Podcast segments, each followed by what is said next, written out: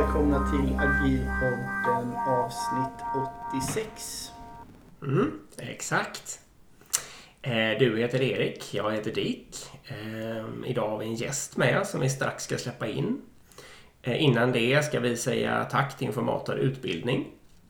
Mm, verkligen. Och vill man anmäla sig till någon kurs så går man helt enkelt in på agilpodden.se, klickar på informatorloggan, söker kursutbudet och om man anmäler sig till någon kurs så skriver man rimligtvis att man kommer via agilpodden-vägen.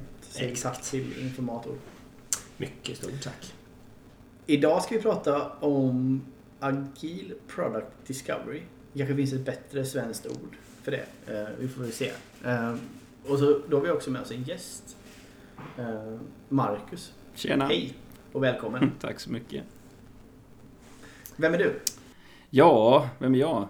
Eh, nej, men jag heter Marcus Kastenfors och jag jobbar som eh, konsult med fokus på Product Discovery eh, hos CRISP som är en konsultbyrå som ni kanske känner till i Stockholm.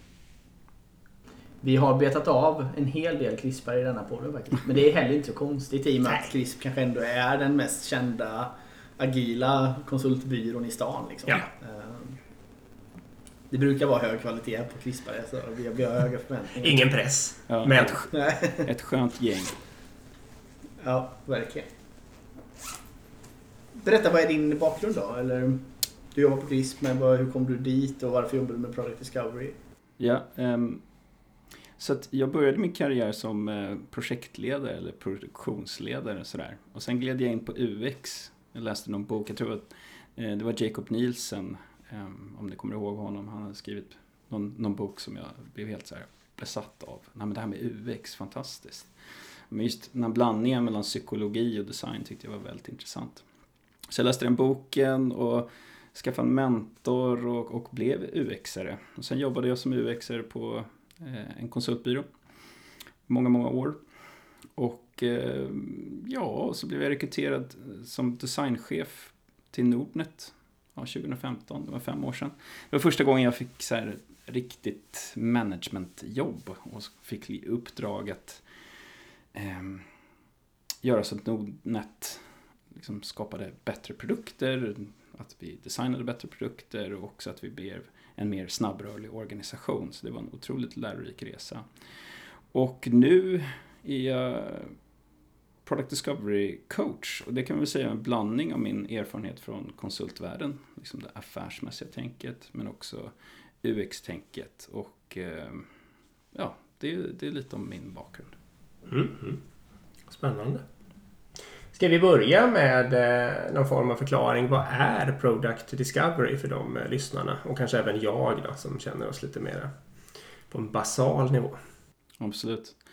Nej, men enkelt förklarat kan man väl säga att Product Discovery handlar om att eh, bygga rätt produkter. Och eh, som ordet säger, det handlar om utforskning. Att utforska eh, och lära sig saker och ting för att se till att det är någonting som kunderna vill ha, någonting som man tjänar pengar på eh, och att det är genomförbart rent tekniskt. Så det är den här treenigheten som är så otroligt viktig i Product Discovery. Blev det, blev det klokare på det? Jag vet. Finns det något svenskt ord för det eller använder man engelska termen Product Discovery?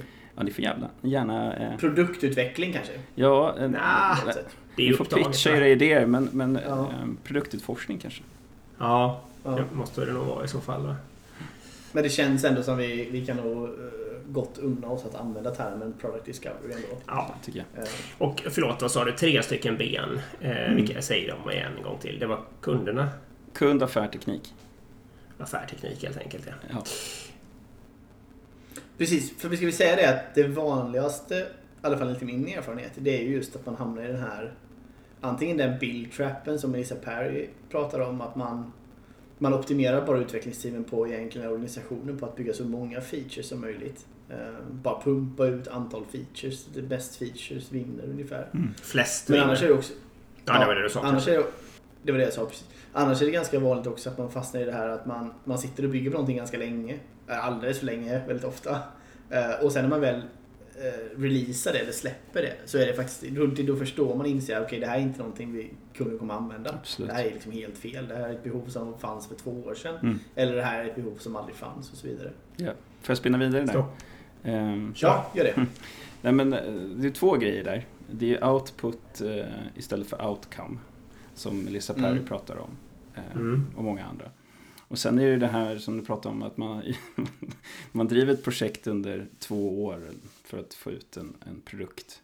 Och sen under resans gång så, så förstår man att det här kanske inte är riktigt vad, vad kunderna vill ha. Och det har lite med sunk cost fallacy att göra. Har ni hört termen förut?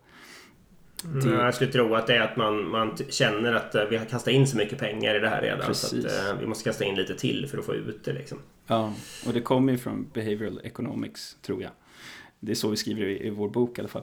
Ehm, och det är ju liksom en, en, en bias som vi har som människor, att, att eh, desto mer vi gör, desto svårare blir det att liksom dra i handbromsen och ändra riktning. Så det där är en klassisk sån fallacy som, som finns inom product discovery. Och just det här med output over outcome. Och det är så otroligt lätt att fokusera på det kortsiktiga i produktutveckling. Liksom.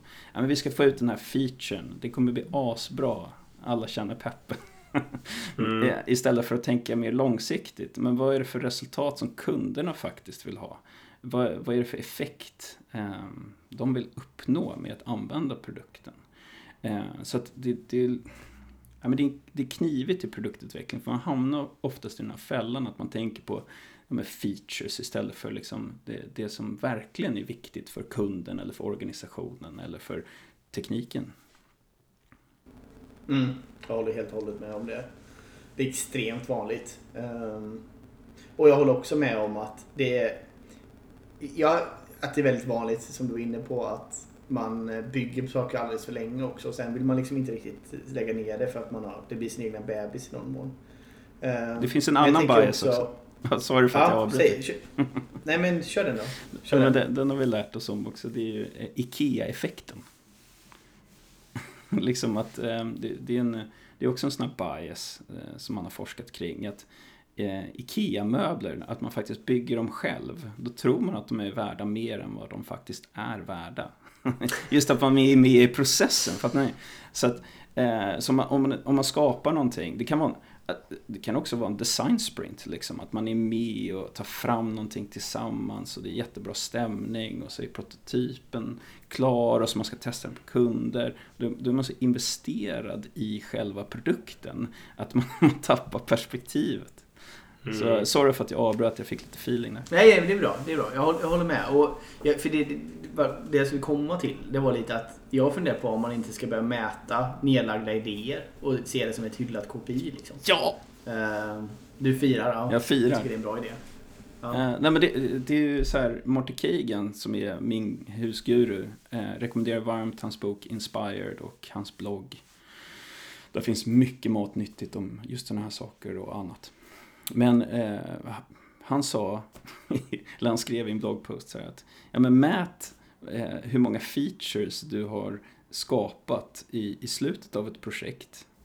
Eh, och, och, och, och se liksom, om man levererade exakt enligt hur många features man ville ha från början. Om det är liksom paritet, då, är det, då, då tyder det på en viss omognad inom produktutvecklingen. Om antalet features är mindre än vad scopet var från första början, det tyder på att, att det var ehm, bra diskussioner, bra prioriteringar, att man kunde ändra sig under resans gång eh, ja, och så vidare. Så att du, du är precis inne på någonting som är klockrent att göra i, i team, att faktiskt göra den analysen. Mm. Precis, för då tar man bort lite den här jobbiga känslan av att lägga ner saker. Då kan man istället tänka okej, det där blev ett sånt där, en sån där grej som fick gå i den kolumnen istället. Liksom. Och det är helt okej att vi la ner några veckors tid på det, men det faktiskt inte blev någonting. Men jag tänker, jag tar tillbaka det lite för, för mig handlar det ändå om det här liksom, vi kommer in lite på det här med mer hypotesdriven utveckling. Att istället för att man kanske lyssnar rakt på produktorganisationen eller att man lyssnar på den som skriker högst och så vidare. Eh, så är just att varför bygger man featuresen? Vad är hypotesen bakom den? Vad är det för, vad är det för faktiskt förändring hos kunden vi vill göra liksom? Ehm, det måste vara ett väldigt viktig aspekt i produktdriven utveckling, tänker jag. Absolut. Och jag fick en sån här aha-upplevelse det, här året. Och eh, det här kanske är solklart för er alla, men att allting är ju en hypotes liksom, inom produktutveckling. Och att till och med strategier är hypoteser. Att vi har den här Mm. idén och, och vi, vi tror att vi kan få den här e- effekten rent strategiskt. Men sen att allting blir någon sorts träd med hypoteser, alltså från det mest strategiska till det mest taktiska.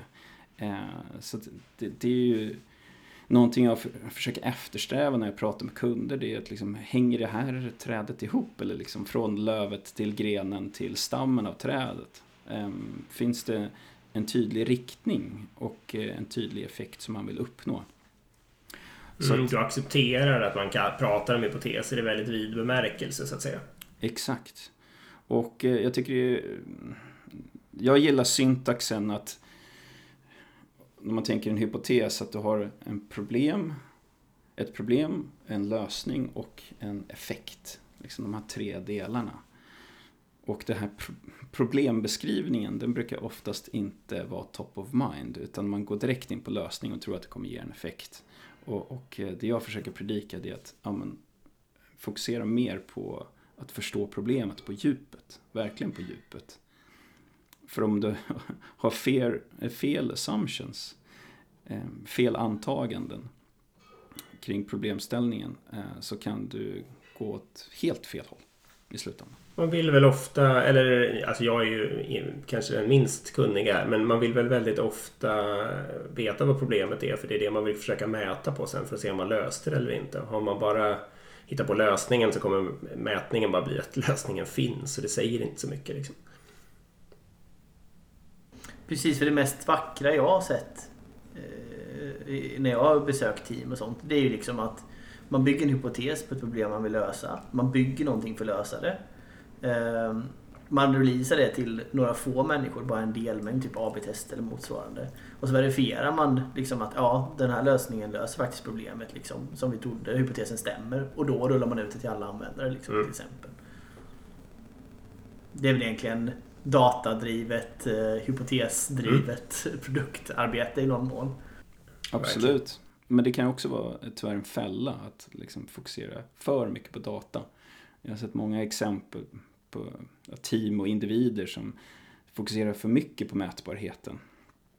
Och inte eh, på den, liksom den andra sidan av ekvationen, vilket är mer de mjuka värdena, de mer kvalitativa aspekterna. Så att någonting som jag pratar med team ofta om, det är just att kombinera insikter från att ha pratat med kunder, alltså kundintervjuer, lära känna riktiga människor som använder produkten ehm, och, och så kombinera det med ehm, det mätbara, det kvantitativa.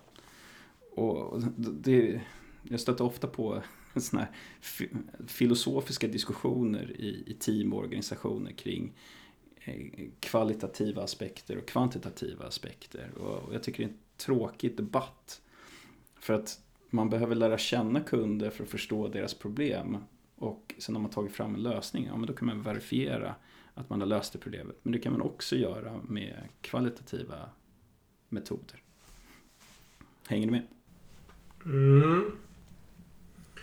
Men tänk att man kan intervjua dem igen och få liksom en bild av vad, hur de gillade att man har hanterat problemet på det här och det här sättet utan att direkt gå in på några siffror. Liksom. Absolut. Det finns en bok som heter Testing Business Ideas.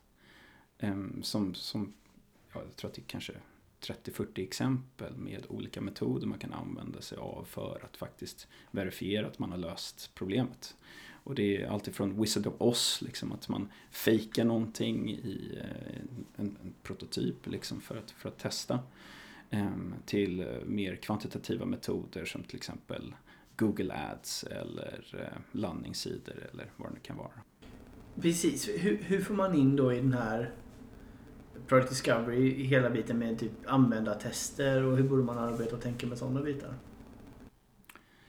Jag, jag tycker användartestning är fantastiskt. Och att man gör det som team.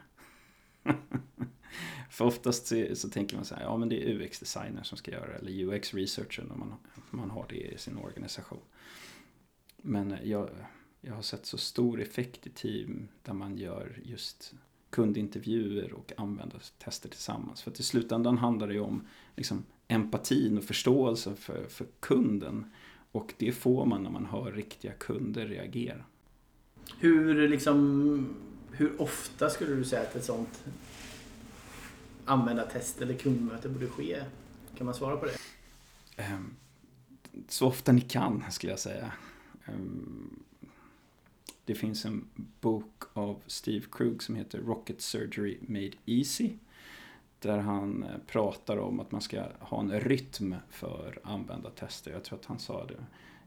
User Fridays eller något sånt där en gång i månaden. Men det skulle kunna vara en gång varje sprint, om det är 22 veckors sprinter till exempel. Och bjuda in kunder så att de får testa det ni har skapat. Då.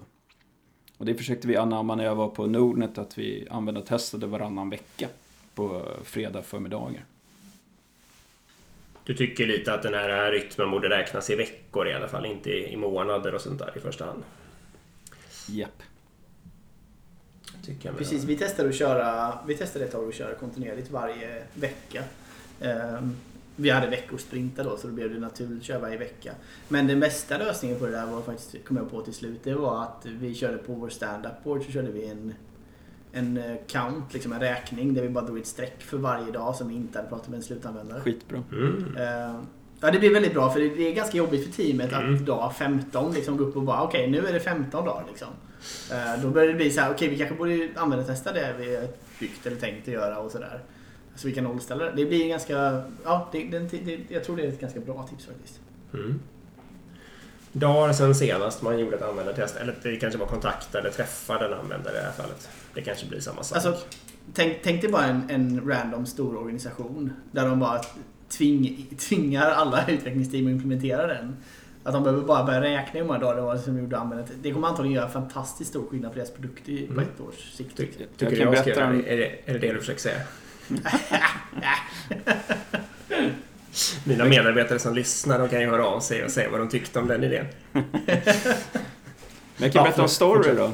Från en, en kund som vi jobbade med för eh, något år sedan. Sådär, ett stort bolag.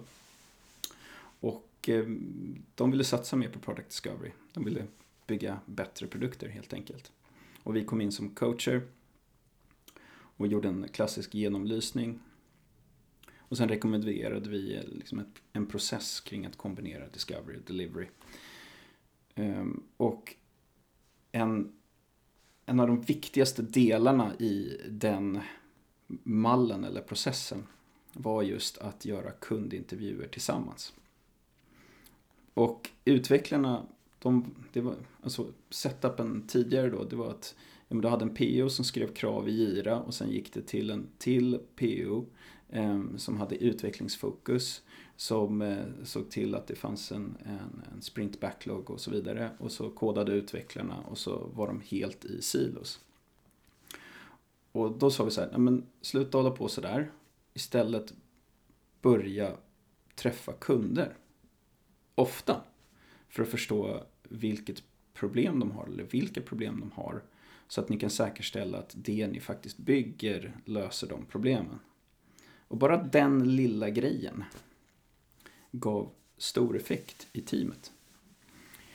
Och när vi träffade en av utvecklarna från det här teamet ett halvår senare eller något sånt där. Och så frågade vi så här, ah, men hur går det då?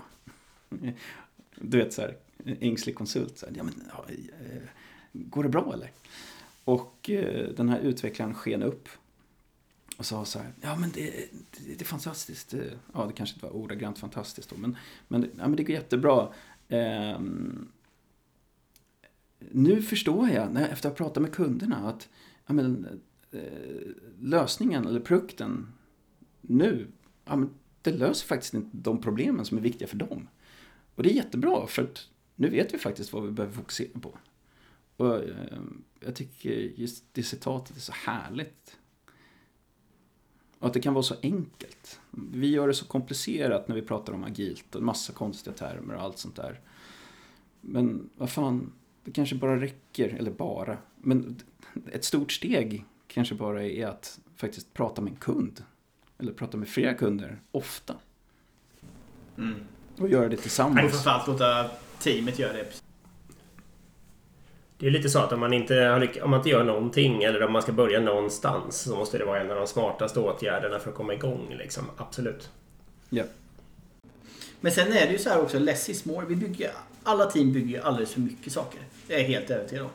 Det är ju som den här gamla, jag vet inte, den här gamla anekdoten har man inte med sig 90-talet nu, men att 25% av alla feature requests som kommer in till Excel finns redan.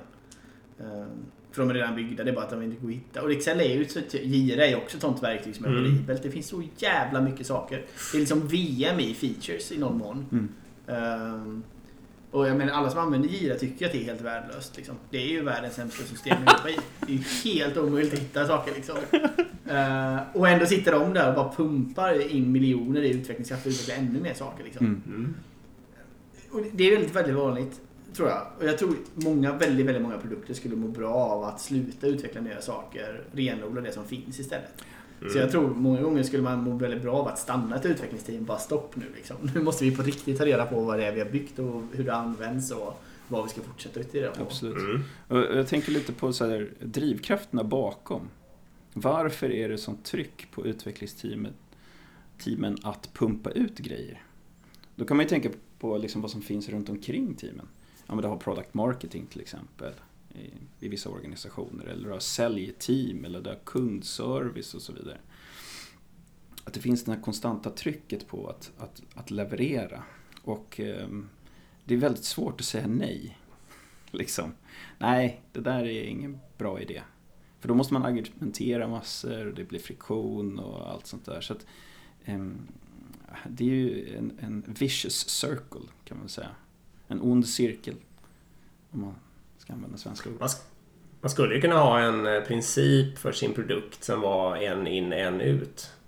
Så att varje gång man ville lägga till en feature så måste man ta reda på vilken som är den minst omtyckta, minst använda och så slänga ut den.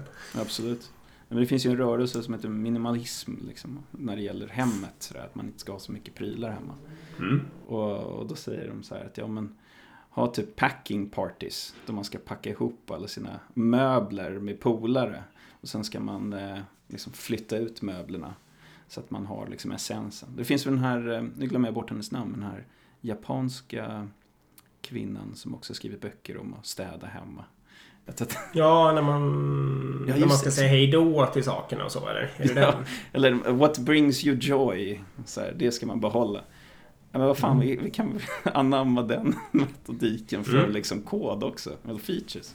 Det, är skit, det är en skitbra idé faktiskt. Ja, mer kodminimalism till folket. Men det här är ju en ny konsultnisch.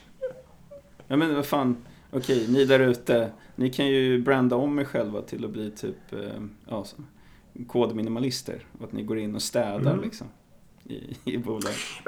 Nu, nu måste jag testa på er två här. Om, ni- om, vi, om ni säger att Excel och eh, Jira är sämst i klassen. Eh, vem är då bäst på det här? Ja, Jag tycker Slack är ganska skönt. Där finns det Mm. rätt få funktioner fortfarande faktiskt. Det sen bygger de ju komplexitet i att man kan bygga in massor med appar och sånt som har typ, ja. Man kan bygga in massor med quizfunktioner, kopplingar till eh, olika kalendersystem och så vidare. och så vidare. Men jag tycker ändå Slack i sig är en ganska skön produkt. Eh, Som inte har så otroligt många features faktiskt. ja. Jag tror jag ska välja nämna Det- det men, Mente om jag ska svara på min egen fråga. Eh, där kan man, man kan gå in. De har hållit sig någorlunda väl till sin kärnverksamhet och eh, man kan väldigt fort begripa hur man skapar en, presenta- eller en sån här frågepresentation. Jag skulle säga SVT Text-TV eh, på webben. Där har det inte hänt mycket grejer sedan 80-talet. Det, har, det är inte en ny produkt på 30 år där. Den hade vi uppe i förra avsnittet faktiskt. Ja, okej, okej. Eh, det, ja, då, var det, då hade de gjort ett API till eh, text-tv. Så att eh, det blev webbsidor av text-tv. Det, är inte, alltså det här var ju på 90 00-talet eller 90-talet. Ja, spännande. Hur, om vi går tillbaka till det här. Om, om, om det sitter ett utvecklingsteam och lyssnar nu då här på det här, vår dialog. Det gör det vågar jag Och så påstå. ska, ja, och så ska de tillbaka till jobbet imorgon nu. Och så ska de börja bygga massor med nya features. Hur borde de tänka liksom innan de börjar bara koda iväg det som står i backloggen. Hur, hur ska man få in Product Discovery-tänket i teamet? Jag försöker komma på ett enkelt svar här. Det, det finns eh, ett längre svar där. Det är ju att om man tänker på den klassiska design thinking-modellen med double diamond, om ni känner till. Liksom, att du har en diamant kring problemet och en annan diamant kring lösningen. Så du har... Alltid varit skeptisk mot den. Ja. Men det kanske är för att jag har okunskap kring den. Ja. Du kan, tycker du om den, den tankemodellen? Jag tycker om den tankemodellen på det sättet att, att man delar upp de två världarna. Och jag, jag och Martin Kristensen har skrivit en bok om Product Discovery. Ehm, och ehm, den modellen som vi använder oss av, som Martin har tagit fram, det är ju liksom en kombination av, av Double Diamond-modellen men också treenigheten som vi pratade om tidigare i podden, den här kund, affär, teknik. Så det blir 12 fält. Liksom.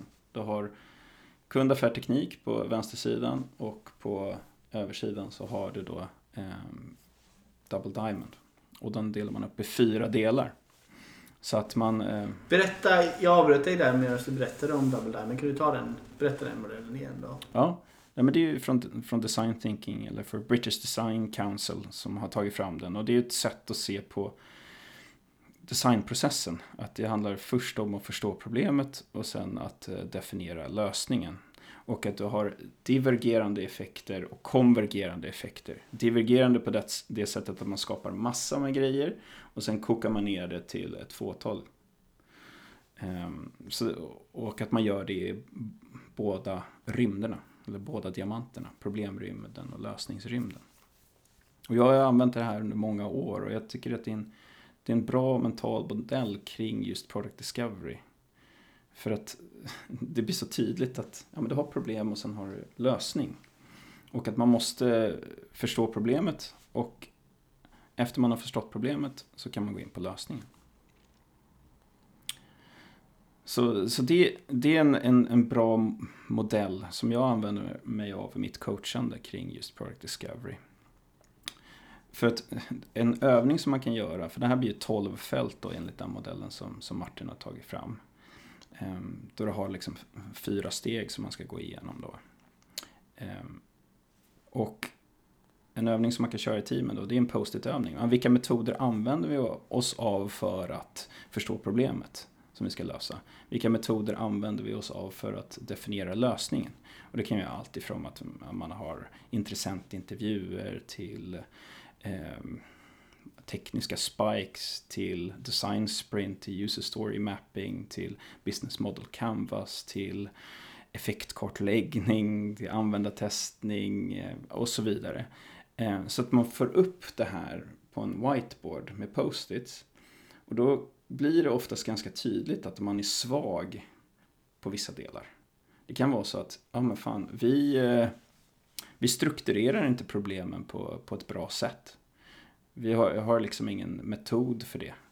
Ehm, eller att vi har ehm, ett gap när det gäller det tekniska i Discovery. För oftast tänker man på Product Discovery som att det är jag menar, UX och lite affärstänk. Men det är otroligt viktigt att ha med utvecklare i processen som kan testa och verifiera saker och ting eh, tillsammans med UXare och eh, produktägare exempelvis. Då. Mm. Och förstå vad som är möjligt och, och tillföra det till processen och så vidare. Exakt. Och jag tänker också kostnaden, för det finns ju ändå en engineering-kost i liksom. Om man väljer mellan tre olika alternativ. Eh, tre olika produktvisioner om man ska säga. Så kan det ju vara att en kostar liksom ett års utveckling och en är två veckors utveckling. Liksom. Så mm. Det kan ju vara bra att väga in ändå när man ska ta beslut om vad man ska göra och så vidare. Absolut. Det är en klassisk grej jag brukar rita upp på en whiteboard. Det är den här um, effort versus impact. Liksom. Två axlar. Sådär. Uh, eh, och att man uh, gör en post-it-övning kring de idéerna man har och, och, väljer det som faktiskt har högst impact och kanske kortast effort. Kortsiktigt sett, men långsiktigt sett så kanske vi behöver göra andra grejer för att få större impact. Ja, just det, det skulle vara ganska bra. Om vi sitter tillbaka till det här utvecklingsteamet som sitter och lyssnar nu då. Då skulle det kunna vara en ganska bra idé att göra. Att bara ta de två axlarna och ta hela sin backlog och placera ut dem. Ja. Och titta på, okej, vad borde vi faktiskt fokusera på? Ett annat alternativ för att ju blicka till historien det är ju att titta i de analysverktyg ni har. Så vad är det som faktiskt används? För oftast är det ju en 80-20-regel där. Att det är väldigt fåtal features som faktiskt används ofta. Och satsa mer på dem än liksom the long tail av, av saker och ting. Det är sant. Och då menar du typ, man kan koppla på Google Analytics eller vad man nu vill använda för typ faktiskt titta hur riktiga användare använder systemet och vad de klickar och hur ofta de klickar på olika saker och så vidare. Exakt. Så du kombinerar de här historiska aspekterna med eh, det ni vill åstadkomma i framtiden. Mm. Ja precis, så då kanske vi bara vill åstadkomma och klippa bort den där svansen så att produkten blir lite renare till exempel. Ja, Om, vi, Absolut. om vi nu var VD Absolut. för Gira. Om vi nu Erik hade varit VD för Gira. det finns en annan bok. Ja, då hade det, Ja, ja, eh, då hade det rykt saker. Ja, då, där pratar vi inte 80-20, där pratar vi 99,5, 0,5. Så är det. det finns en annan bok eh, som jag kan rekommendera. Nu har jag droppat ganska många bokrekommendationer här. Men det är ju eh, av Jason Fried och flera författare som har skrivit boken. Jag tror den heter Rework. Som skrevs för mer än tio år sedan. Som handlar om, om Basecamp och deras filosofi kring produktutvecklingen. Och de pratar ju verkligen mycket om just det här. Att vara stenhård när det gäller prioriteringen. Och att inte göra grejer. Och, och aktivt välja att inte göra grejer. Så det, det är Mm. inspirerande. Precis, för det som är ofta misstolkningen, eller det, det som ofta sker tycker jag, det är att eh, prioriteringen blir bara var i backloggen hamnar ticketen. Om ni förstår vad jag menar. Det är aldrig prioriteringen att man säger nej. Liksom. Nej, Nej. det gör vi inte. Utan det handlar Nej. bara om, okej, ska det hamna på plats 1 eller plats 10 eller plats 100 liksom. Och sen är varje produktteams utveckling 250 tickets liksom. Och så sitter man och bara betar av i all evighet. Ja, och så sitter det i värsta fall någon superintressent och, och vaktar liksom på sin köplats på något sätt utan att någon någonsin utvärderar hur pass sant det är att den där intressenten har rätt eller inte. Liksom. Eh, och så, och så ja, men, eh, om man vill putta ner en idiotidé ändå så börjar den skälla och sen så liksom blir hela verklagen full för evig tid och så kan man inte göra det som på riktigt skulle behöva göras. Liksom. Ja. Nej, men det är ju, är ju klassiskt tyvärr. Men en radikal idé är ju att slänga hela backlog. Ja, precis. Man måste skapa om det. Det var ju någon som hade jobbat med product management som gjorde så, va? Var det inte det som vi intervjuade i podden? Jo, exakt. Men de körde ju white, de körde backloggen på whiteboard och så bytte de, alltså de suddade de ut den varje fredag bara. Just det. whiteboarden och så på måndag Det började var man- ju sprint, ja exakt. Och då fick man ju försöka, ja, tyckte man att ens idé var superbra fick man försöka komma ihåg den eller jobba med någon egen fusklista eller vad som helst. Men, men eh, nej, det var ju ganska, det var ju upp, ett uppfriskande idé måste jag säga. Ja, jag har gjort det någon gång. Då har vi tagit så här, allt som är äldre än två månader i backloggen bara tar vi bort. Mm. Är det är det, är, för då är argumentet man får emot sig alltid så här, men tänk om det ligger någon viktig bugg eller någon, någon. Är det något sånt så kommer det komma fram Ja. igen. Liksom. Exakt. Jag kan ju nämna att jag, jag jobbar med en, en liten startup som vi driver. Och vi, vi, vi är ett litet team med Ja. tre personer. Då. Och jag hade den här idén, ja ah, men fan vi ska köra Scrum nu och vi ska köra Scrum by the book och vi ska köra två veckors sprintar och vi ska använda Trello på det här sättet och bla bla bla bla bla. Men sen efter två veckor så kom jag fram till, vad fan, det här behöver ju inte vi. Alltså, Nej. Ehm, så mm, vi jobbar inte ens med typ så här Google Docs kring funktionalitet. Utan oftast så tar vi fram skisser och sen blir de skisserna kodade och sen har vi en aktiv dialog kring hur vi formar funktionaliteten tillsammans. Då. Men det här funkar ju på en, eh, alltså i en liten startup men det kommer inte funka i, i ett enterprise-bolag. Men ehm, ja, det finns ju många olika sätt att göra det här och man behöver inte ha gira för att lyckas. Liksom. Nej men verkligen. Men det du säger är ju egentligen att om det är så litet så att alla kan prata med alla hela tiden och alla har på något vis produktvisionen i huvudet liksom. Då kan man ju ha ett minimum av processer och liknande. Ja, jag tycker det är också spännande det här med mobbprogrammering och mobbdesigning. Mm. Liksom att, att, att man sitter ihop och gör det bara. Det är Mm. jättespännande. Istället för att, man, eh, att det är stafettrace inom teamet så, så kör man på en dator och har diskussioner och eh, fokuserar tillsammans. Inte för att jag har så mycket erfarenhet av det, men jag tycker det är spännande, spännande sätt att jobba kring produktutveckling. Mm. Nej, jag skulle gå tillbaka och bara fråga. Du sa ehm, att det är en tydlig länk mellan Discovery och Delivery. Utvecklade du det eller? Eller kan du toucha lite Ja, inte direkt. Jag nämnde bara det här exemplet med den här kunden. Att det var ett upplägg som vi hade då att integrera Discovery och Delivery. Och, Och, eh, Men vad menar du när du säger så? Börja i den änden. vad jag menar, ja, det, det är lite knivigt det där. Och jag kan inte säga att vi har nailat det. Eh, För det, jag brukar beskriva Discovery Delivery som att ja, men hjärnan har ju två olika halvor. Det är ungefär Mm. eh, som jag ser på Discovery Delivery. Att det är olika förhållningssätt, olika filosofier, olika modus beroende på vilken, vilket Mm. fokus du har just nu. Och det blir... Det är alltid en utmaning att gå för tvärt mellan de här olika halvorna. Ehm, Så att det finns ju massa olika metoder för att integrera. Ehm, Jag har jobbat mycket med design sprints som är liksom discovery-processen i miniatyr som leder till en prototyp som testas och blir, och blir konkret på det sättet att den kan börja kodas i teorin måndagen efter. Ehm, och sen finns det ju här dual track scrum som ni kanske har pratat om i, i podden. Att man har discovery, Nej. ja, discovery en sprint och, och delivery en annan sprint. Eller att man strukturerar rytmen beroende på hur mycket man jobbar med discovery och delivery. Ehm, Så det finns massa olika förhållningssätt kring hur man, hur man jobbar med eh, Discovery och Delivery. Och min erfarenhet är ju att, att, att boxa in dem. Men att det finns en tydlig signal mellan dem. På det sättet att, Ah, okej. hänger ni med? Jag fattar lite, för du, det du tänker är lite att man ska akta sig för att det blir något eh, vattenfall mellan eh, Discovery och Delivery. Liksom att Discovery ska spåra ur och, och hålla på till man har den perfekta idén och sen vidtar Delivery och så har det gått ett år och så vidare. Och så vidare. Ja. Mm. Nej, ja, okej, då fattar jag verkligen vad du menar. Ja, det är ju en viktig poäng att göra. Ja, men, eh, och det som vi föres- förespråkar också är att man gör det här tillsammans. Så det är inte så här UX-aren som springer iväg och gör Discovery. Eller produktägare. Utan att man gör det ihop. Och John Cutler, om ni inte haft med honom på podden så borde ni bjuda in honom. Han är grym. Eh, Mm. Och han, eh, han är en jäkel på att visualisera alltså olika problem i eh, produktutvecklingsteam. Och, eh, men också annat.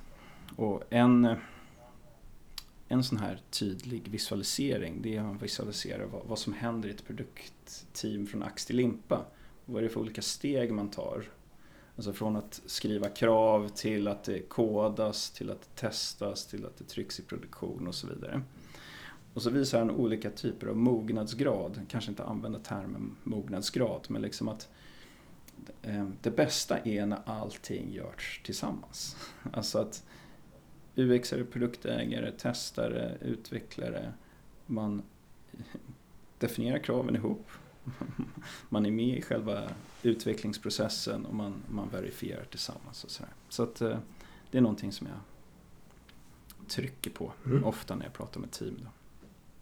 För, att, för att så fort det blir silos eh, så försvinner information vilket gör att det blir en sån här snöbollseffekt. Och sen eh, kan det påverka tilliten i teamet, det kan påverka massvis med saker som är en sån här kedjeeffekt. Liksom. Mm. Men jag tror grundproblemet där är just det här som vi pratade om initialt att trycket utanpå utvecklingsteamet gör liksom att teamet måste optimera för output då, inte outcome. Liksom. Mm. Och då blir det att, att liksom, då måste man, de sitter lite pressade och tänker okej hur kan vi leverera så mycket som möjligt? Jo men om vi delar upp det så alla har Mm. varsin ström liksom. Mm. Då kan vi göra sex saker parallellt om vi är sex utvecklare. Det måste ju vara asbra. Um, för då gör vi progress på sex saker liksom och så kan vi liksom, ja, och ni förstår. Så jag tror man, grundbiten måste vara att komma ifrån det. Liksom. Att sluta tänka att okay, vi ska, det handlar inte om att leverera så mycket som möjligt. Det är inte vårt uppdrag som team här att leverera så mycket som möjligt. Utan vårt uppdrag som team är ju mycket mer mycket mer än så. Vi ska bygga rätt saker, vi ska ha kul ihop, vi ska ha kompetensöverföring, vi ska inte se till att en nisse blir helt ovärderlig och så vidare. och så vidare. Mm. Sätta den biten först liksom, så man skapar ett lugn i teamet och man skapar utrymme också för att kunna vara med på använda tester och göra hela den här Product Discovery-resan som team också. För ett vanligt utvecklingsteam har ju inte den tiden idag. Det är därför jag tror det ofta handlar på icke-kodande folk som typ produktägare eller UXare eller vad man nu kallar det. Det är de som liksom får ta det här mer administrativa jobbet för de andra sitter liksom fullt upp på koden. De är mer färdfulla tror intressenter. Ja, det är också jag, Ett ja. exempel där för en organisation som jag jobbade med för några år sedan.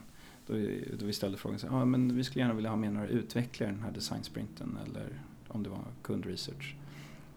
Och då fick vi pushback från engineering managers. Nej, nej, nej, nej, nej. Det, vi har för mycket att göra. Det här går inte. Nej, det ni säger egentligen är att det är resursoptimeringen som är boven där i bakgrunden. Liksom.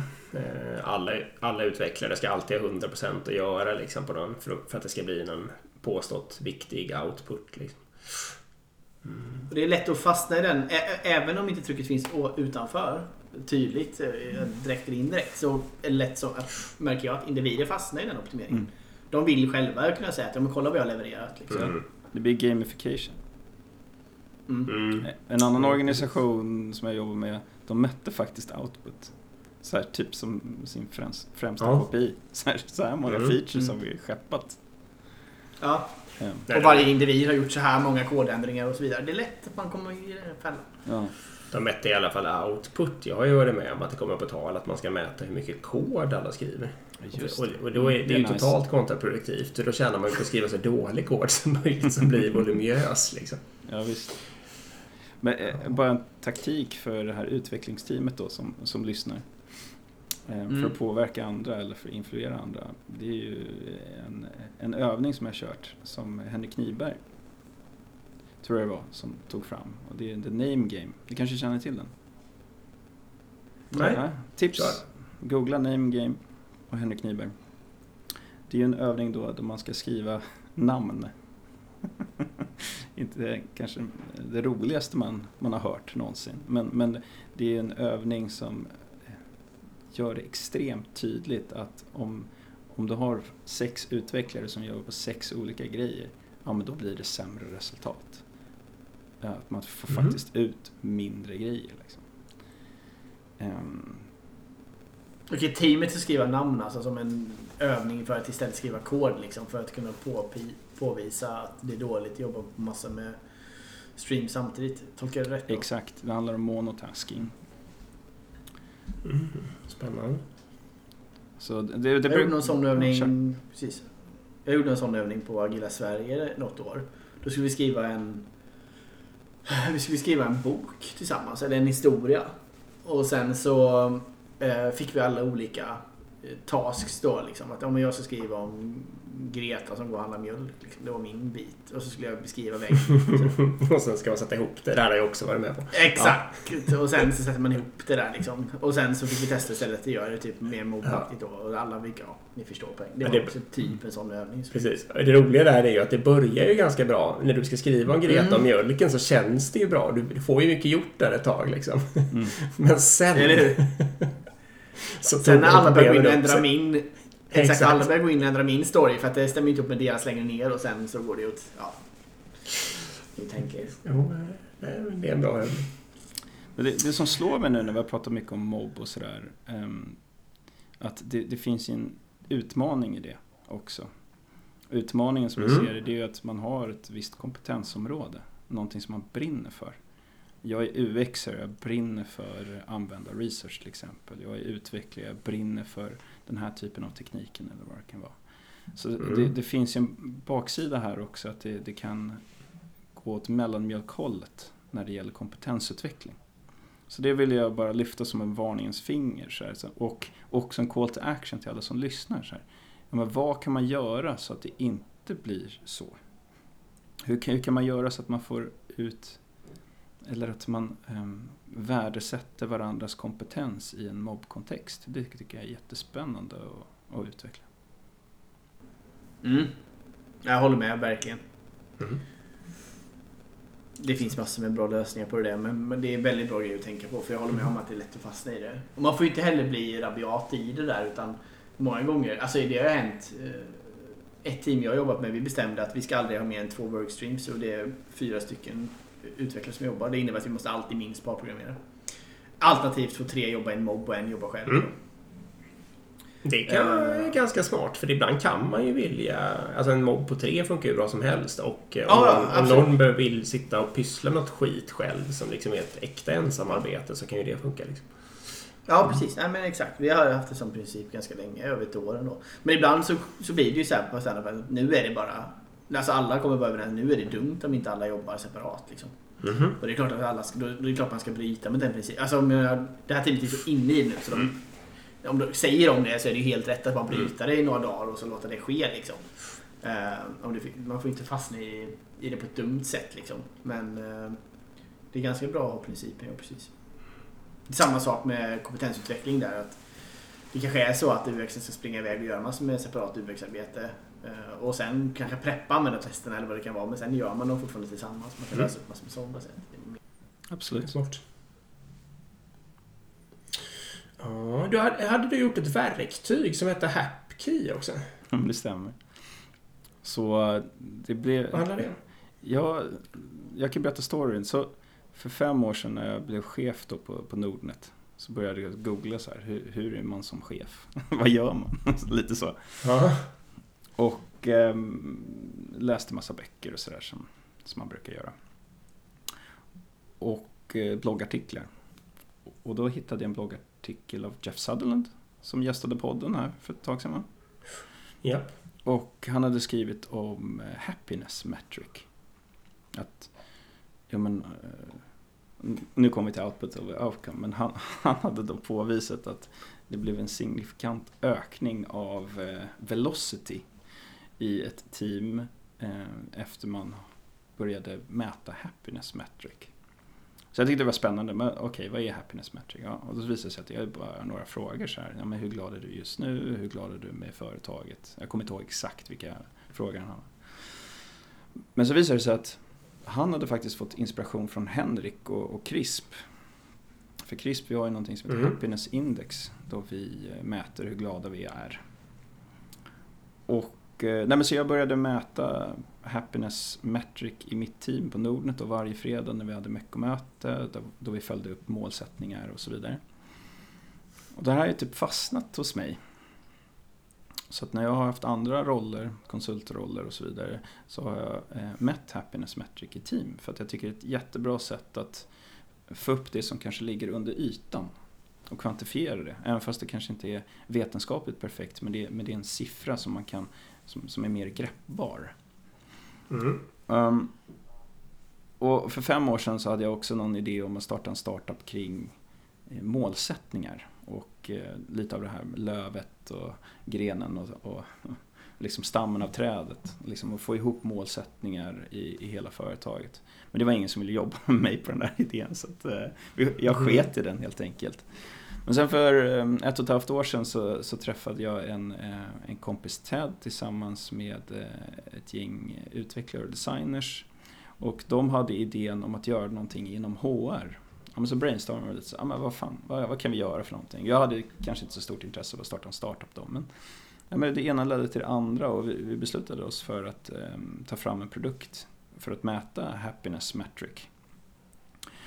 Och ja, men det här var, har varit en otroligt lärorik resa för mig. Så att jag kan verkligen eat my own dog food när det gäller product discovery. Liksom. Ehm, Mm. Så testa metoder. ehm, ja, ha det som en ha det som ett verktyg i mitt konsultande. Liksom. Att, att Mm. testa grejer. Sådär. Och um, ja, men det går framåt. Vi har kunder, de har betalat. det är stort. Mm, och och det är bra eh, det kanske det viktigaste det är ju att produkten ger effekt i, för de företagen vi, eh, som är kunder. Då. Det, ja, Mm. de, de, eh, de har sett positiva aspekter av att använda produkten. Då. Så, att, Så det är, ja, det är lite om HappKey. Ja, Mm. kul. Jag håller med. Jag jobbar också jättemycket med det. Jag har alltid gjort. Alltså happiness index. Ehm, Jag brukar bara egentligen säga att, i alla fall så som jag brukar göra på ett utvecklingsteam om man vill komma igång. Det är liksom att man, man varje retro då, så varje sprint, liksom, inte varje iteration. Har bara en sån vote där man votar antingen anonymt eller icke anonymt på hur, hur mår vi som team då. Där noll är liksom att ja, vi är bara individer som inte alls samarbetar. Och 10 är kanske att ja, men vi är ett high performing team. Det kan man ju själv definiera vad det innebär och så. Ja. Och sen bara helt enkelt att man tar average av vad gruppen tycker och sen sätter ut det på, en, på någon form av graf som man ser över tid. Liksom. Ganska intressant också sen när man gör typ lite större retro som kanske är över kvartal eller halvår eller år och sånt. Att man kan diskutera att, om varför gick det upp och varför gick det ner och vad, vad gjorde vi för förändringar för att det skulle bli så. Liksom. Ja. Och precis som du säger, det, det där, den där går nästan helt 100% korrelerat med velociteten. Går velociteten upp så går eh, happiness upp. Mm. Ehm, och samma sak om happiness går ner, då brukar också velociteten gå Ja. ner. Så de två brukar följa varandra väldigt, väldigt väl. Absolut. Jag hade ett samtal med Henrik Kniberg igen då. Eh, en kollega på CRISP. Om, om just eh, teamdynamik och glädje i team och så vidare. Och han berättade en story som jag tycker var så jävla skön. Eh, det här var för tio år sedan kanske. eller Något sånt där. Han jobbade med ett team som inte var så glatt gäng. men det han gjorde, det var att så här, ja men jag tycker att vi ska mäta glädjen i teamet. Och liksom skriva post-its och sätta upp det på en whiteboard. Så att vi hela tiden ehm, kan följa upp. Och sen en annan grej. Det är att ja, men vi tar fram topp tre hinder just nu. Så här, vad är det som hindrar oss? Och i början så var det så här, ja men det var kodmiljön eller jag kommer inte ihåg exakt. Eller, eh, men sen när man hade betat av de där grejerna, ja men då dök de här större aspekterna upp. Liksom till, kring kultur och eh, organisation och annat. Så det här kan också vara en sån här continuous improvement. Man mäter glädjen i teamet men också vad som faktiskt hindrar oss. Vad är liksom unhappiness factors liksom, i teamet. Mm. Och hela tiden jobba på de här grejerna i, i retros och annat. Eller så bör resursoptimera man hela skiten. Ja, do it! Det är också ett annat. Ja. Då blir det ingen gnäll från höga chefer i alla fall. Nej men det, vi skiter i output, vi skiter i output. Det är resurser det handlar om. Om Bara det är ett budskap idag så är det det. Bara ingen, bara ingen latar sig. Så. Exakt. Spännande. Grymt. Då tar vi och tackar dig Marcus för att du tog dig tid att vara med i vår lilla podcast. Tack själva. Det var superkul. Ja, verkligen. Och stort tack också till eh, Informator. Mm, verkligen. Och också ett stort tack till alla ni som orkar lyssna på det här. Exakt. Ni är faktiskt några stycken som ändå gör det. vilket jag tror- De har kört liksom klyschbingo i bakgrunden. Så här, ja, check, check, check, check. Nej. Ja. Ni får mejla in om ni tycker att ni vann klyschbingo. Eh, Ja. Agilpodden at gmail.com. Exakt, och vi finns på Agilpodden på Instagram också. Grymt! Bra. Tack för att ni lyssnar. Tack alla. Hej! Hej då! Hej.